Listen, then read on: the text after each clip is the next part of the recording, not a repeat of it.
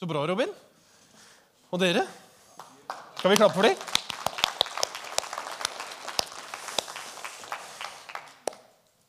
For nesten 2000 år siden så holdt Jesus en tale på et fjell. Som, eh, og den talen er blitt kalt for bergprekenen. Det er noen som eh, tror at den ikke ble holdt på et fjell, men på en slette oppå et fjell.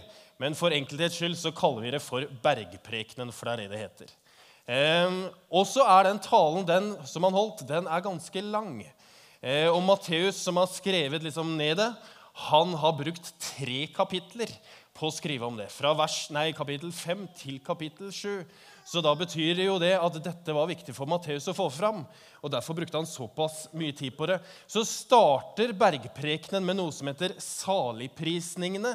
Som eh, var sånn Salige er de som sørger, for de skal trøstes, osv. Og, så og så avsluttes bergprekenen med historien eller bildet på den som bygger huset sitt på fjell, versus den som bygger det på sand. Også midt imellom der så sier Jesus mange ting. Og så har jeg tenkt at eh, jeg er ganske høy, Eivind, men det er greit for meg. Men jeg bare hører det. Eh, det er jo viktig at dere hører hva jeg sier. Eh, så har jeg tenkt at er det mulig å si hva bergprekenen handler om i én setning? For at Av og til så kan man tenke at Martin, du er for enkel. Du går liksom ikke dypt nok. Det, er, det blir for lette løsninger og for enkelt. Og at kanskje noen tenker at eh, når du blir spurt da, når du kommer ut, på, ut etter gudstjenesten, spør ja, hva talte han om i dag, så, skulle, så, så, er det enkelt å si. Kanskje. Men så, så, har jeg tenkt det at eh, av og til så er vi jo noe sånn skrudd sammen at vi tenker at vet du hva, når vi går ut fra gudstjenesten, så er det fint å tenke hva talte han om i dag? Så spør han meg, så tenker jeg nei, jeg vet ikke helt. Men det var dypt. Det var dypt, i hvert fall. Ja, men hva, hva handla det om eh, egentlig? Ja, det var dypt.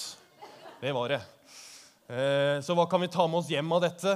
Nei, dypt var det. Så det var veldig, veldig bra, for det var så dypt at jeg skjønte ingenting. Eh, så derfor har jeg prøvd å lage en sånn komplisert setning for at du skal skjønne ingenting eh, om, om da hva, hva bergprekenen handler om, og den er sånn som dette. Altså, hoved, altså Bergprekenen er for Jesus omvendelsens nødvendige frukt den er dyp. Altså Budskapet til Jesus i bergprekenen er omvendelsens nødvendige frukt. Hva mener jeg med det? Jo, med det mener jeg at de menneskene som har bygd huset sitt på fjell, altså de som gjennom troen på Jesus har bygd det på fjell, har en tro som fører til troens gjerninger. Altså konsekvensen av det å tro. Fordi å ha en tro det fører til en konsekvens i gjerninger. Ikke sant? Det var enkelt. Det er kanskje lettere å si motsetningen, for motsetningen til dette er å ha en tro som er bygd på sand. Og noen vil si at det er å ha bare troen i munnen. Og at når man har troen kun i munnen, så får det ikke konsekvenser for noe som helst. Man kan jo gå på gudstjeneste hver eneste uke. Man kan jo være med en tjeneste, eller sånt, men hvis det bare er i munnen, så får det ikke noen konsekvens hvis man ikke har det i etterfølgelse. Så bergprekenens innhold, som vi skal snakke om nå fram til påske, det handler om at det er en frukt av det å tro på Jesus eh, og følge etter ham. Så er greia den at Dette er jo holdt for 2000 år siden. Så Det er jo lenge siden, og vi er jo blitt mye klokere etter det. Da trodde de jo at jorda var flat. De fleste av oss vet at det ikke er sant. At den er rund. De trodde jo at sola liksom reiste rundt jorda. Vi, vi vet jo at jorda går rundt sola. Vi vet jo mye mer om menneskelig utvikling og naturens mysterium og psykologi og sånne ting nå enn det de visste før. Så hvordan er det mulig at en tale som er blitt holdt for 2000 år siden, skal være relevant for våre liv? Det skal vi utforske. Jeg hadde en lærer på videregående skole som kalte Bibelen for en eventyrbok. Og han sammenligna det litt sånn med Asbjørnsen og Mo. Og så var det Bibelen, liksom. Og fremdeles så kan jeg møte noen mennesker som, eh, som sier hvordan kan, i all verden kan du tro på dette, da, Martin? Det er jo bare tøv. Det er jo bare en gammel bok. Det er jo ikke relevant for vår liv, og det er jo liksom, det er jo bare tøys. Det er jo en eventyrbok. Og så de, kan de si også dere kristne Ikke du, Martin, for deg kjenner vi jo, men, men, dere kristne, dere andre, liksom. Dere er jo stort sett bare opptatt av folks seksualliv og det å synge i kor. Hvorfor skal dere synge i kor hele tiden? Det er, jo, det er jo det dere er opptatt av. Men det vi vil se gjennom denne serien som vi har kalt Egentlig, er at Jesu ord er like relevant og kanskje enda mer utfordrende i dagens samfunn enn det det var den gang. For vi spør hva vil det egentlig si å følge etter Jesus i 2015? Hva vil det egentlig si? Jesus sier mange steder i bergprekenen at dere har hørt det er sagt, men jeg sier dere. Dere har hørt sånn og sånn, men jeg sier dere. Dere har hørt om det å bekymre seg, men jeg sier dere. Dere har hørt om fattigdom, men jeg sier dere. Dere har hørt at det er umulig, men jeg sier dere. Dere har hørt om fondssparing, men jeg sier dere. Dere har hørt om hevn, men jeg sier dere. Dere har hørt om tidsklemme, men jeg sier dere. Det Jesus gjør, er at han hever standarden. Han sier noe nytt til oss, vi som ønsker å følge etter han. Så setter han Han sier, 'Dere har hørt det sagt, men jeg sier dere'. Det å følge etter Jesus det er jo basert på det å tro på ham.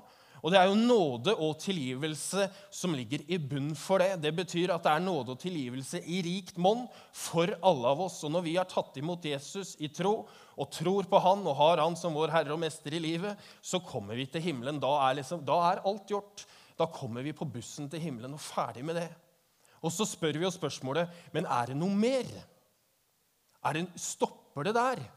Når vi har kommet på bussholdeplassen og sitter og venter på bussen til himmelen, og vi vet at alt er ferdig, alt er klart, vi er tilgitt alt som vi har gjort, og alt vi kommer til å gjøre. Så er spørsmålet er det noe mer.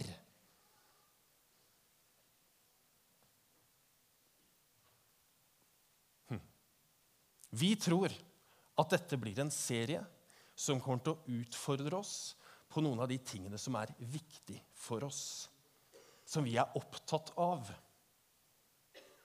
Og kanskje kan det å følge etter Jesus og livet ditt få noen nye perspektiver i løpet av denne serien. For hva vil det egentlig si å følge etter Jesus i 2015? Så er det sånn at Vi har ikke alle svarene. Vi er ikke en menighet som sier at vet du hva, vi her bare slutt å tenke og slutt å stille spørsmål. Her kan du liksom bare legge huet igjen på utsida, og så skal vi fortelle deg hvordan det er. Vi tror at det fins noen fundamentale, grunnleggende sannheter som står fast uansett.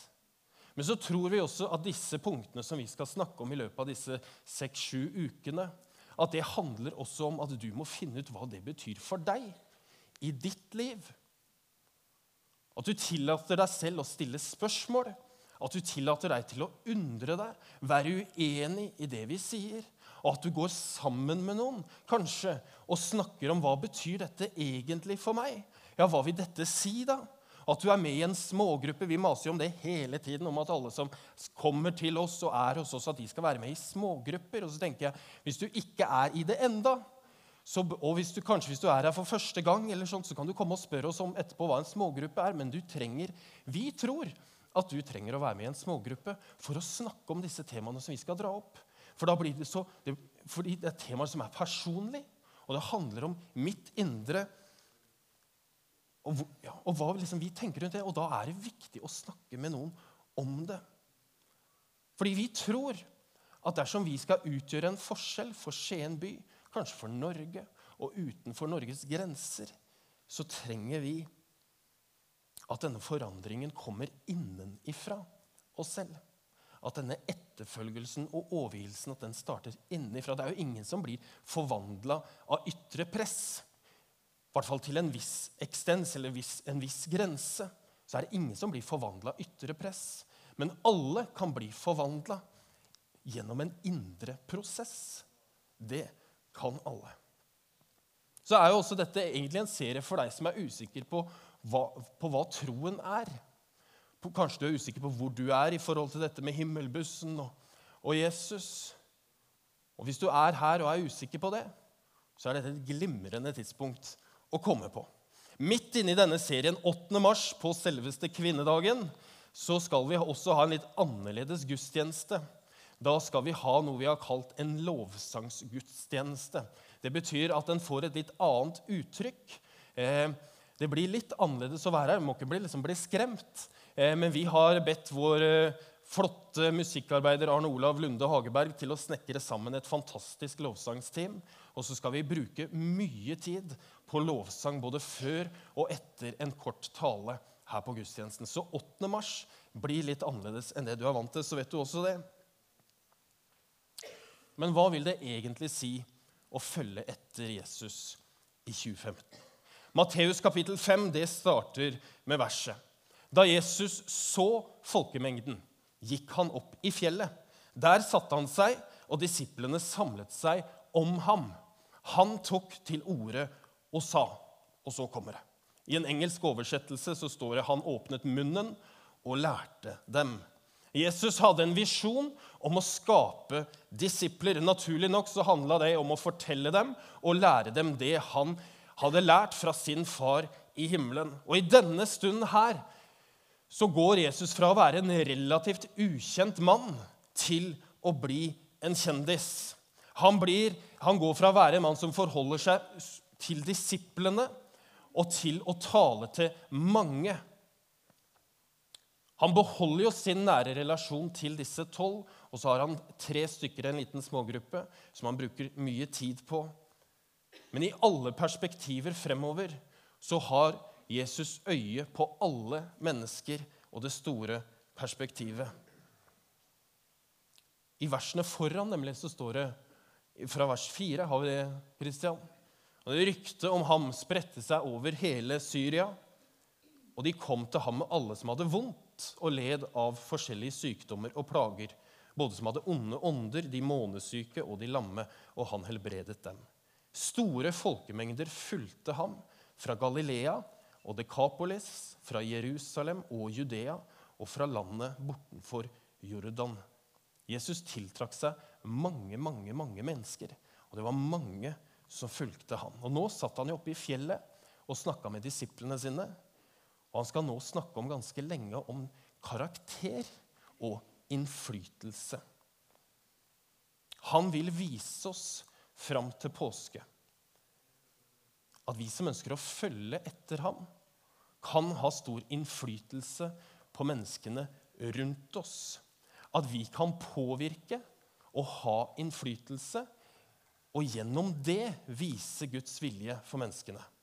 Fordi Selv om Jesus snakker til en mindre gruppe, til disiplene, sant, så har han alltid perspektivet av alle mennesker. Og det burde vi også ha som menighet og som enkeltpersoner. At når vi hører hans ord eh, og gjør som han sier, så har jo det selvfølgelig en påvirkning på oss. Men det burde også ha en påvirkning på hvordan vi ser på alle mennesker. Hvorfor det?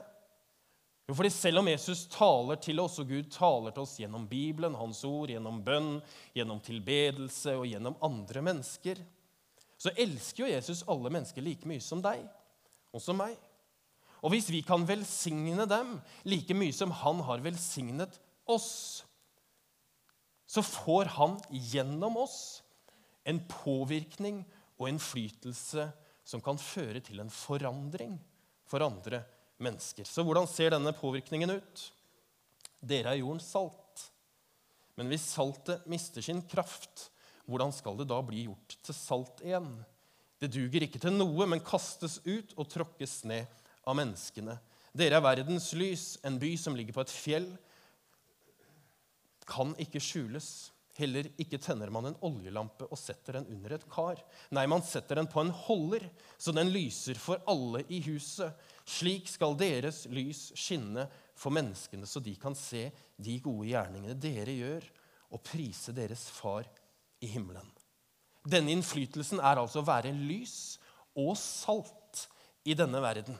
Og så står det at vi er lys, og at vi er salt betyr ikke at vi disponerer lyset eller låner saltet, men det betyr at vi er det. Det betyr at det er en del av vår identitet, noe vi faktisk er, og at det er et karaktertrekk ved oss som følger oss, og som bare ved at vi er, påvirker og har innflytelse overfor alle andre mennesker. Denne teksten har jo vært utgangspunkt for en barnesang, som mange av oss kan.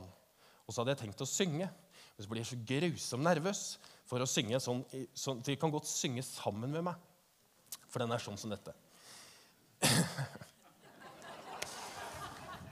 Er dere klare, Robin? Ja. Jeg har jo vært musikkarbeider her. Det skal sies.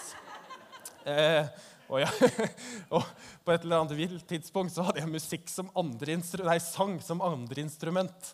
Eh, men eh, ja. Er, jo lenger tid jeg bruker, du, jo verre blir det. Før jeg starter. Den er sånn Det lille lys jeg har, det skal få lyse klart. Bom, bom, bom. Det lille lys jeg har, det skal få lyse klart. Og så kan vi synge sånn det lille, bitte lille, knøttlille lyset jeg har, det skal få skinne klart. Og så er jeg så gruelig redd for at det skal blåse ut. For det er så veldig, veldig, veldig lite. Det er så bitte lite. Har et lite lys.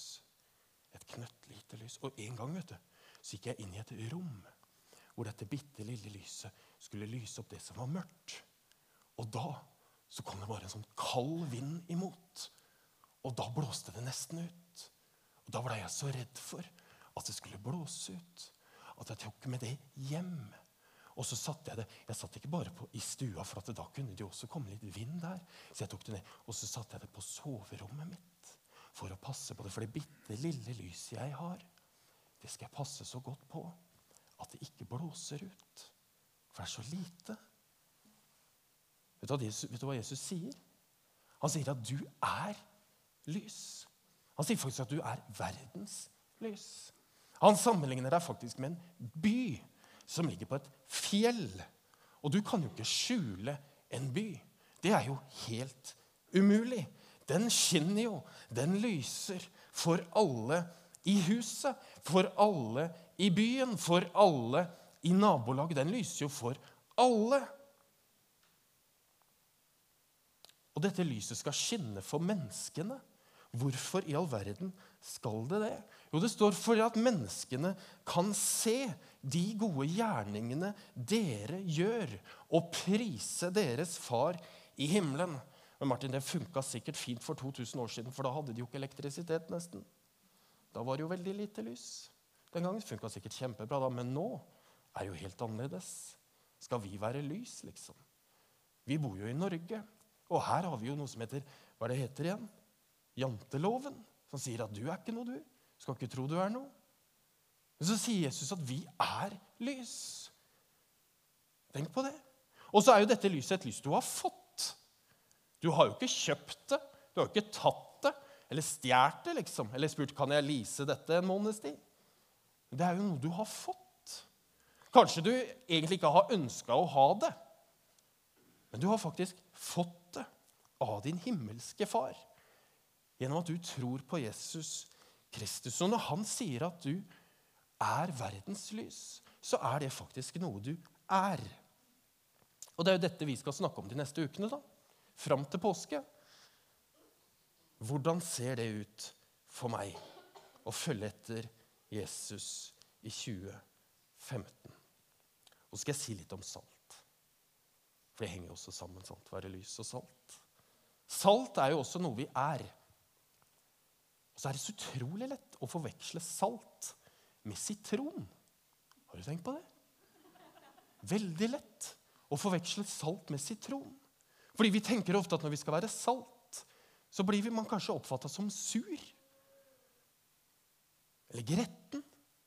Så kan det også være lett å forveksle salt med, med, med doktor Proktors prompepulver. Er det noen som har lest den boka? Vi har bare lest én, og det er tre igjen. Og det er en fantastisk bok.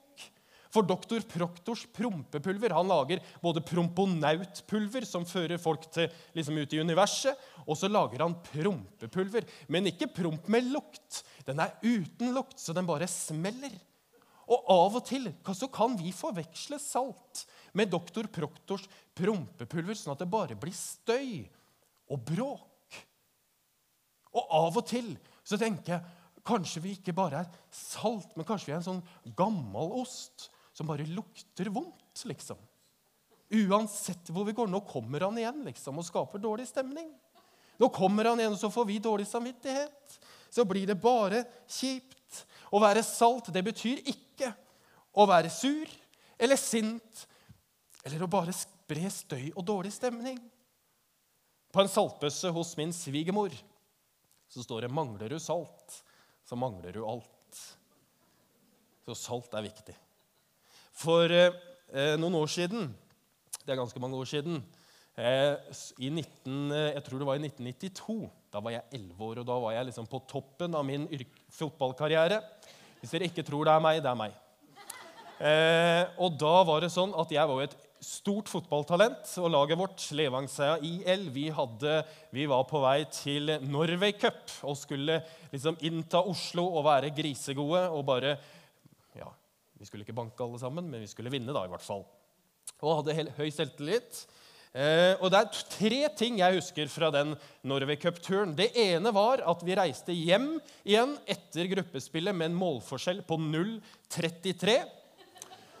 Så det var jo elleve mål i snitt på, i tap. Det andre var at jeg hadde vårt lags eneste skudd på mål. Det husker jeg veldig godt. Det var et veldig godt skudd for øvrig. Eh, og det siste var at under Norway Cup så spiste vi kjøttkaker i Ekeberghallen. Og det jeg husker godt med det, er jo at ferdigmat er jo ofte godt salta.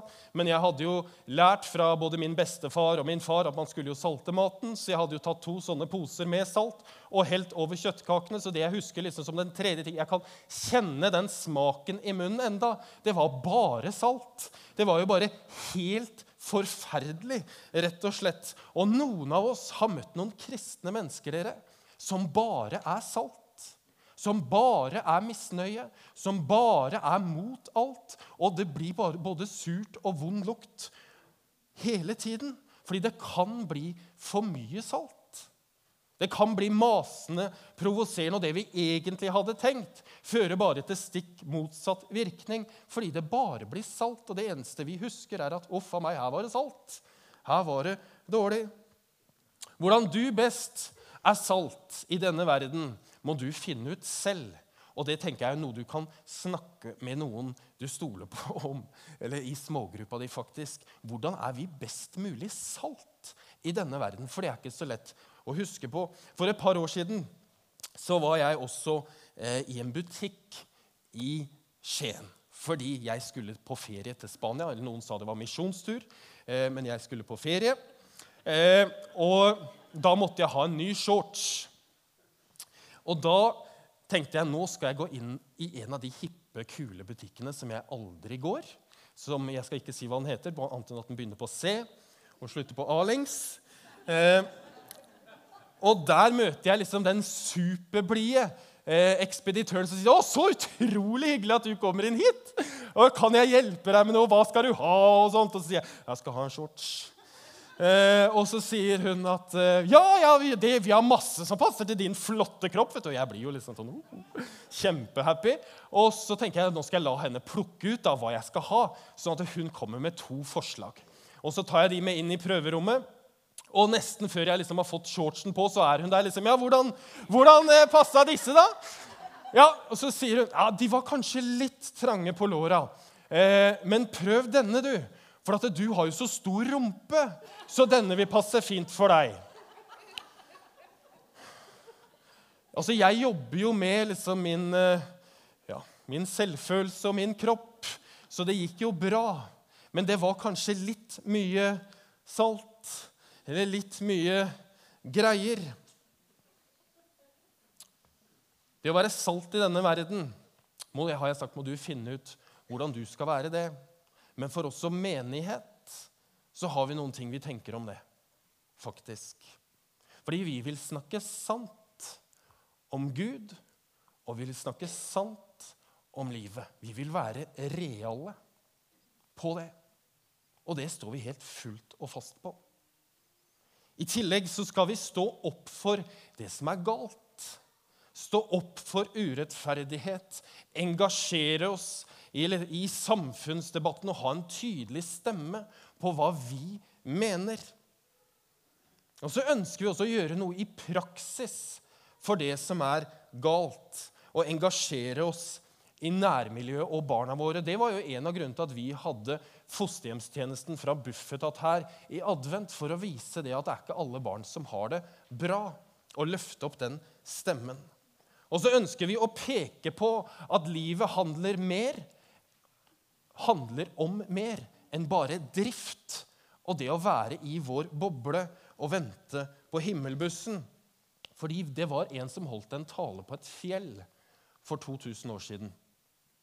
Og Så gikk det en stund, og så gikk han opp på et annet fjell, hvor han til slutt gikk opp på et kors. Og så sa han at det var ferdig.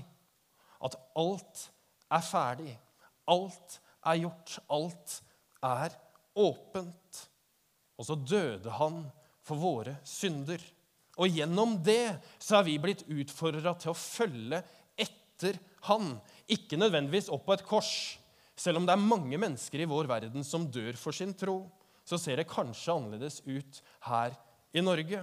Men vi er utfordra til å høre på hva han sier, og lytte til det. Og å handle på det og gjøre noe med det. Fordi vi vil at troene våre skal få konsekvenser for livene våre. For hvordan vi lever livene våre. Altså troens frukt, som jeg dro opp først. Og vi er egentlig utfordret til å spørre oss selv og spør Gud om hva vil det egentlig si å følge etter Jesus i 2015? Det er dette vi skal utforske de neste søndagene. Så jeg håper du kommer tilbake. Neste søndag skal Linda Andernak Johannessen tale, vår barne- og familiepastor. Hun skal ha to på rad. Så kom på det, for det kan du glede deg til. Og jeg ber for deg og for oss. Takk, Jesus, for at du er her. Takk for at du kjenner våre liv, Herre. Du vet hvordan vi har det, hvor vi skal hen, og hvor vi kommer fra. alt det der. Nå bare ber jeg Jesus om at du skal komme til hjertet vårt og puste ditt lys og ditt liv inn i hjertet vårt. Sånn at vi kan se hva du egentlig kaller oss til, Jesus. I Jesu navn. Amen.